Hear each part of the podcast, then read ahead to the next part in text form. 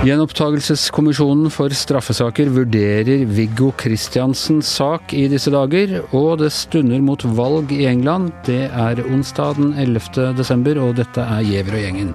Og velkommen til deg, eh, Øystein Milli, eh, krimkommentator i VG. Takk, takk. Uh, Baneheia-saken, uh, en av de store og mest uh, groteske krimsakene i, i, Norge i hele vår tid.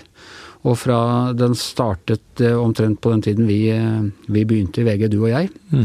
Og nå er det rett og slett ingen igjen i VG som dekket Baneheia-saken, ennå så stort det teamet var i sin tid. Ja, nei, det er sånn det er blitt. Jeg vet ikke om det sier noe om vår alder, eller, eller, eller hva det sier. Men, men, det er altså en, en var en utrolig, er en utrolig vond sak, og den gjorde veldig sterkt eh, inntrykk da den skjedde. Jeg skal være med på det teamet som dro ned for da, da, de var blitt arrestert. Og helt fra den dagen så var det ganske sterke føringer på hvordan vi skrev om den saken.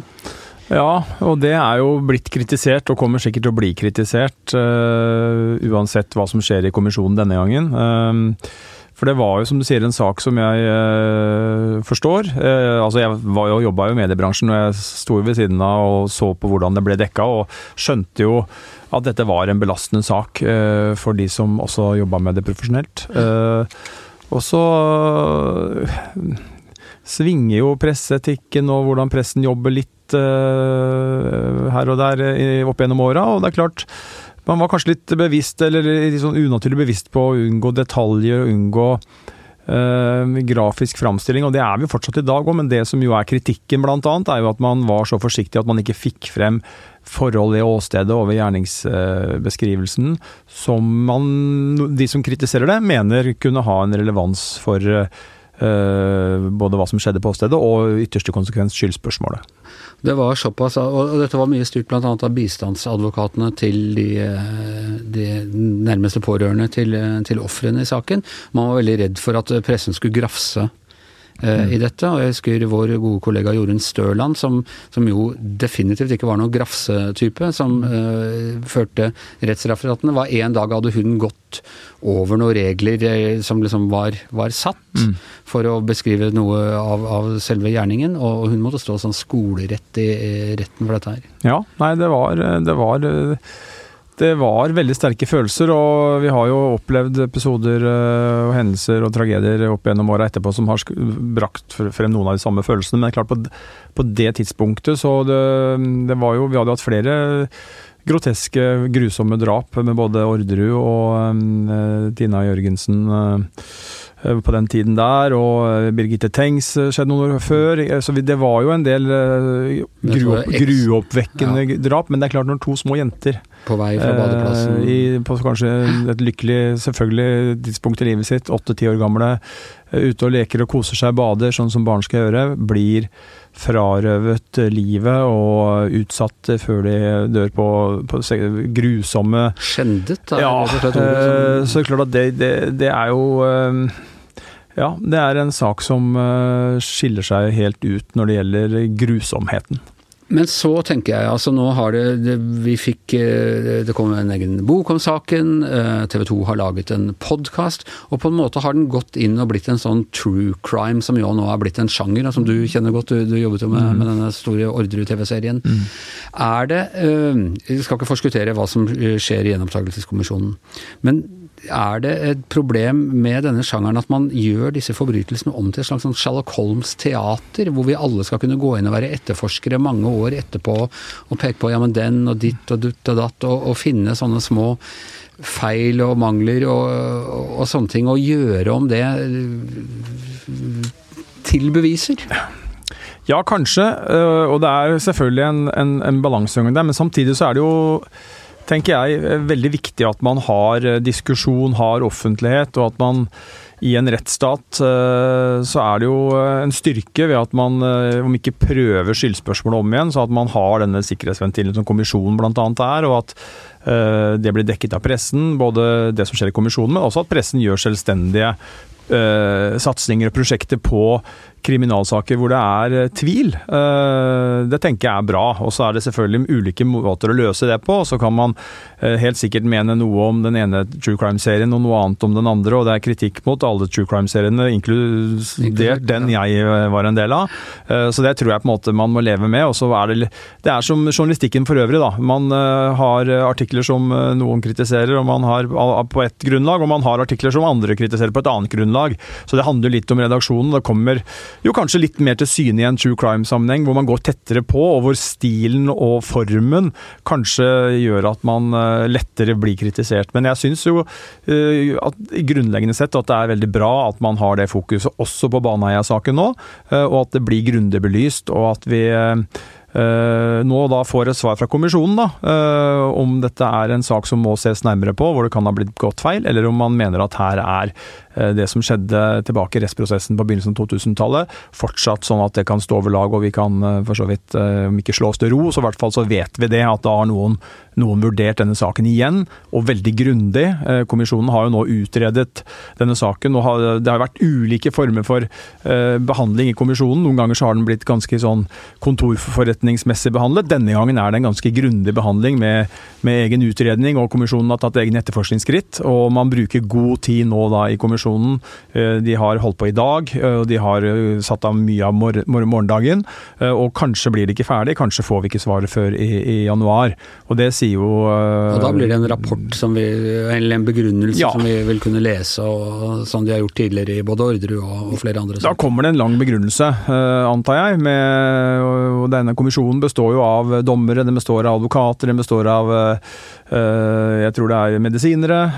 Altså det er en, sammen, en, en tverrfaglig gruppe med med fagfolk, uavhengig av da selvfølgelig påtalemyndigheten, som, som, som, skal vokte over rettssikkerheten i, i, eh, ikke bare de store sakene. Det er veldig Mange av de sakene som er i kommisjonen, er jo det man kan kalle mindre alvorlige, eller handler om eh, om man har vært tilregnelig eller ikke tilregnelig. Det, det, er mange ting i den kommisjonen som behandles der, men, men de, de, de, våker jo over rettssikkerheten og er denne sikkerhetsventilen som veldig mange er opptatt av, øh, mot domstolene og påtalemyndigheten. Og De har ved et par anledninger eh, sagt at saker skal tas opp igjen, og da i realiteten blir det ikke ført noen ny rettssak. Da er det, hvis, rett, hvis eh, kommisjonen finner ut at det er grunn til å gjenoppta denne saken, da er Viggo Kristiansen i eh, realiteten eh, frikjent. Ja, mange, mange, tror i hvert fall, mener i hvert fall det. Og så er vi på en måte litt usikre, og det jobbes vel med å bringe på det rene. Det er jo ikke hver, hver dag alle i pressen er så på kommisjonen som vi er nå. Men om påtalemyndigheten ønsker å se på muligheten for å eventuelt etterforske eller innhente noen nye rapporter, uh, hvor man, man, har et grunnlag, vurderer det sånn, til å gå en runde før man eh, konkluderer med hva man gjør videre, eh, det vet jeg ikke. Men, men det er jo som du sier, eh, helt riktig at når kommisjonen gjenåpner en sak, så er ikke det sånn Her er det sånn, utgangspunktet generelt sett, da. Så er ikke det sånn her er det 50-50, fint med en omkamp i retten på en promilledom eller en, en tyveridom. Det er, det er det konkrete ting som kommisjonen har funnet som de mener er grunnlag for at dommen er feil. Ok, tusen takk til deg, Stein Myrli. Eh, vi kommer til å snakke mer om denne når kommisjonen eh, innleverer sin innstilling. Og da skal vi vende tilbake til noe som det Faktisk nå er det ganske lenge siden vi har prata om brexit, eh, Yngve. Eller om de politiske forholdene i, i England, er det ikke det? Jo, jeg har jo vært på en godt og vel ukes reise i Skottland. Og det er derfor du har vært så taus der? Ja. Prøvd å finne ut litt mer om hva som skjer. Nei, men helt seriøst, det har jeg har eh, reist eh, litt i Skottland eh, to anledninger i høst. fordi at da jeg var der i august, så snakka med en del skotter og merka at de hadde en litt annen tilnærming både til brexit til, og til parlamentsvalget enn ellers i England. Nå er ikke det noen stor rakettforskning, men det, alltid lønner seg alltid å prate med folk for å prøve å finne ut hva de Han prøvde å ta seg en scotsit eller hva det er for noe for noen år siden, komme seg ut av hele Ja, England, og det ligger og vaker litt nå, skjønner du, for at uh, Min analyse da, etter å ha reist rundt og snakka med folk, og snakka med også ganske ledende og tunge folk i den skal vi si, skotske samfunnsdebatten, så er min oppfatning at uh, skotske nasjonalistpartiet SNP tar det med to tunger i denne uh, valgkampen. Uh, de vil nok gå ut som en slags vinner nærmest uansett resultat, men eh, eh, ja, Jeg kan komme tilbake Ja. til det etter hvert, men, men eh, det er jo eh, ting som tyder på at, eh, at de konservative kommer til å bli største parti da, i, Men, eh, i det var valget. altså, veldig vanskelig med disse meningsmålingene, og særlig når det er sånne enkeltmannskretser. Men har det ikke vært litt bevegelse som tyder på at torgene kan gjøre det bedre enn man først trodde de siste dagene? Eh, både ja og nei, fordi at eh, eh, Samtidig så har det jo vært ting som tyder på at uh, det valgkampmaskineriet i Labour har begynt å virke. Det har vi også sett før. Det er jo bra når det er et par dager igjen. Eh, ja, men uh, vi har også sett det før, at de har en, en fantastisk evne til å komme på, på oppløpet. De er generelt bedre til å drive, til å drive valgkamp enn uh, en de konservative.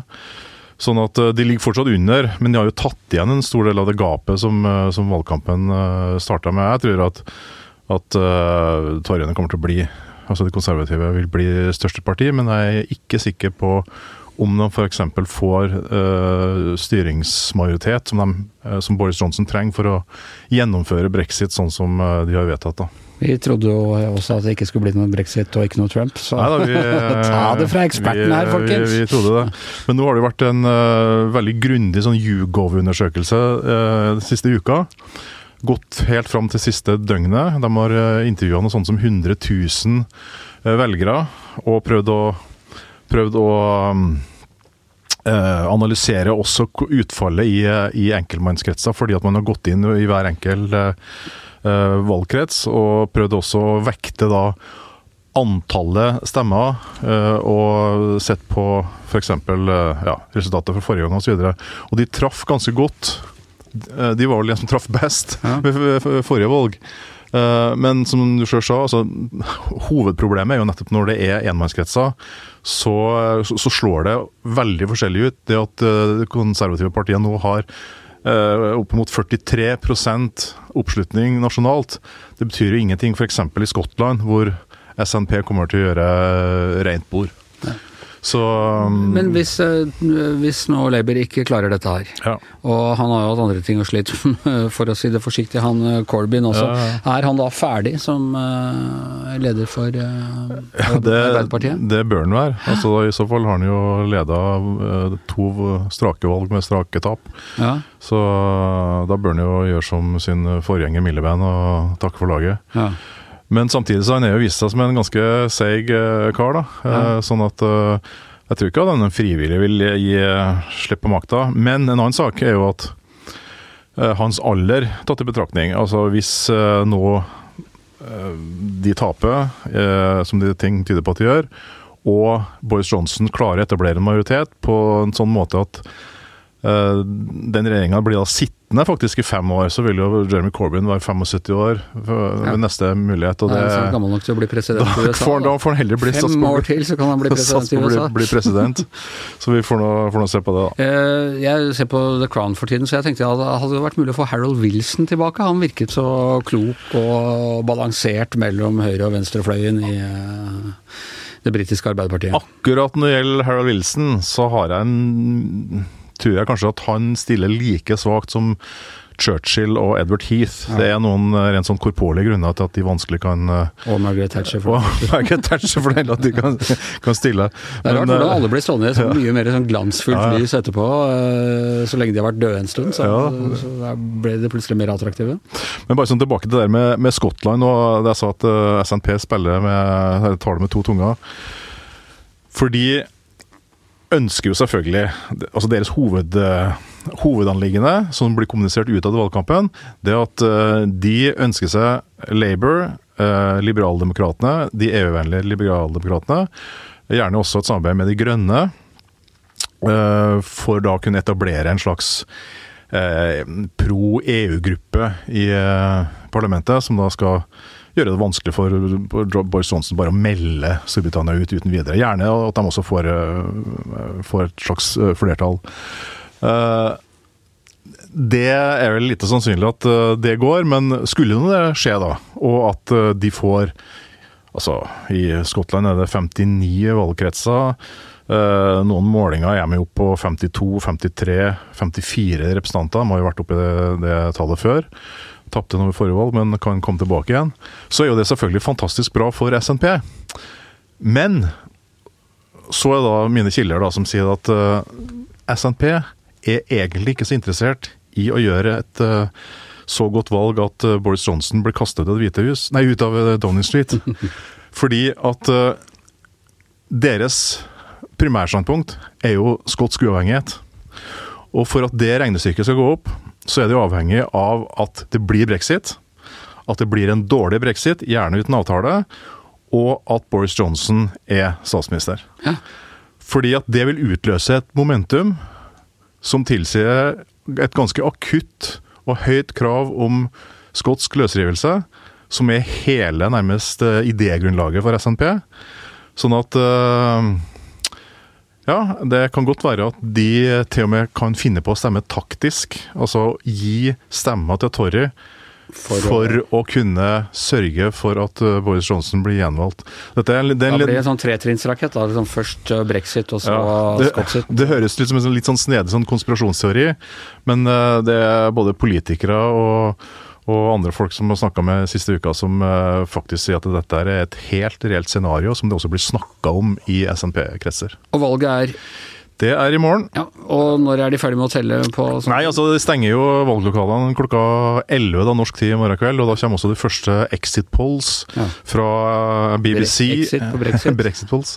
Fra BBC og Sky News og VGTV. Ja.